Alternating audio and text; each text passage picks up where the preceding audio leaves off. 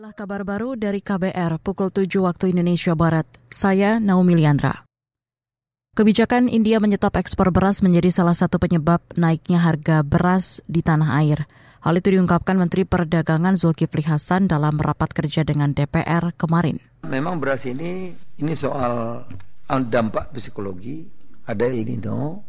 India ini melarang ekspor beras, Pak. Walaupun berasnya ada 7 juta, saya baru pulang dari India. Dia ada beras 7 juta, stoknya sebenarnya 4 juta lebih dari cukup untuk cover mereka 3 juta itu bisa diekspor tapi tetap dilarang.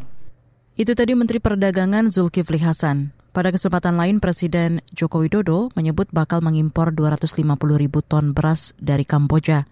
Jokowi mengapresiasi keputusan Kamboja dan memastikan Indonesia akan membalasnya dengan membantu sektor ketahanan pangan negara itu.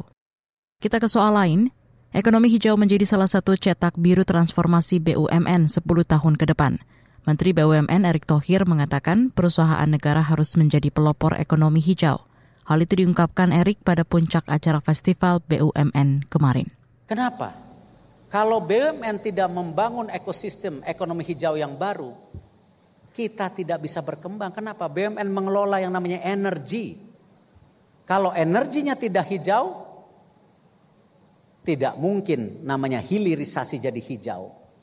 Baca aturan di Eropa, baca aturan di Amerika. Ini ekosistem besar yang dirubah di mana peran kita harus makin penting.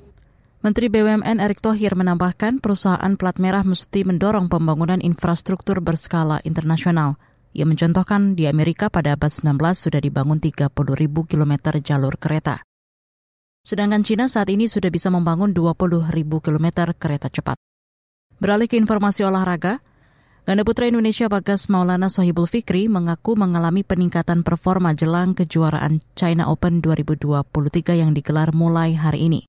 Mereka baru menjalani laga babak pertama besok melawan wakil India, Reddy Shetty, yang penampilannya juga tengah menanjak. Meski begitu, Bagas Fikri mengaku cukup percaya diri karena mereka menang di pertemuan terakhir, yakni di babak 16 besar Thailand Open lalu. Saat itu juara All England 2022 sukses mengalahkan pasangan India tersebut dengan skor 24-26, 21-11, dan 21-17. Bagas Fikri bakal menganalisis permainan Reddy Shetty untuk menemukan kelemahan. Mereka menyebut siap mati-matian di lapangan. Demikian kabar baru dari KBR, saya Naomi Liandra.